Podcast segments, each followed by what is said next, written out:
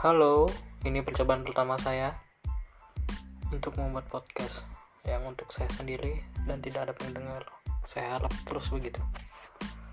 Hanya untuk melatih mental dan ya perbaiki mental aja lah dulu. Halo.